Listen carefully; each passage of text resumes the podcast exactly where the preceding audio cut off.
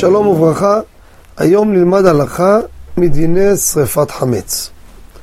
כידוע, יש לנו מצווה, חובה, לשרוף את שיירי החמץ שנשארו לנו בערב פסח בבוקר, הולכים למקום שיש מדורה, או עושים מדורה ושורפים את החמץ.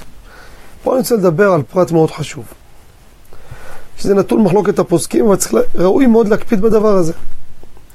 כידוע, אנחנו צריכים להקפיד לקיים את שריפת חמץ דווקא בשריפה. כמו שכל עם ישראל נוהגים, הולכים ושורפים. יש אנשים באים עם ערימות של חמץ. מביא ערימות, קודם כל זה הנהגה, אין בזה עניין.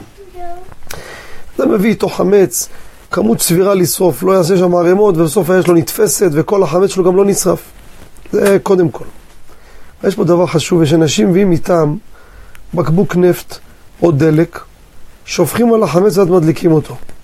יש פה בעיה. כשאתה שופך נפט או חומר בעירה על החמץ, פגמת אותו. אחרי שפגמת אותו, מה יש לשרוף בו כבר? לכן ההלכה, מה שצריך לעשות, קודם כל להעלות אותו באש, לשרוף, שהאש תתחיל להיתפס.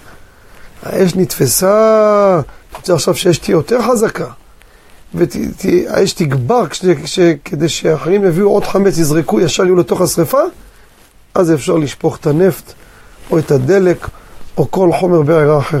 אבל אם שופכים אותו מההתחלה, בעצם מה אנחנו גורמים? אנחנו בעצם פוגמים את החמץ. ואז השרפה לאחר מכן, כבר לא קיימנו את הביאור בשרפה. עשינו אותו בפגימה.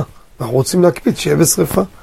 לכן, יש לשים לב לדבר הזה. תודה רבה וחג שמח.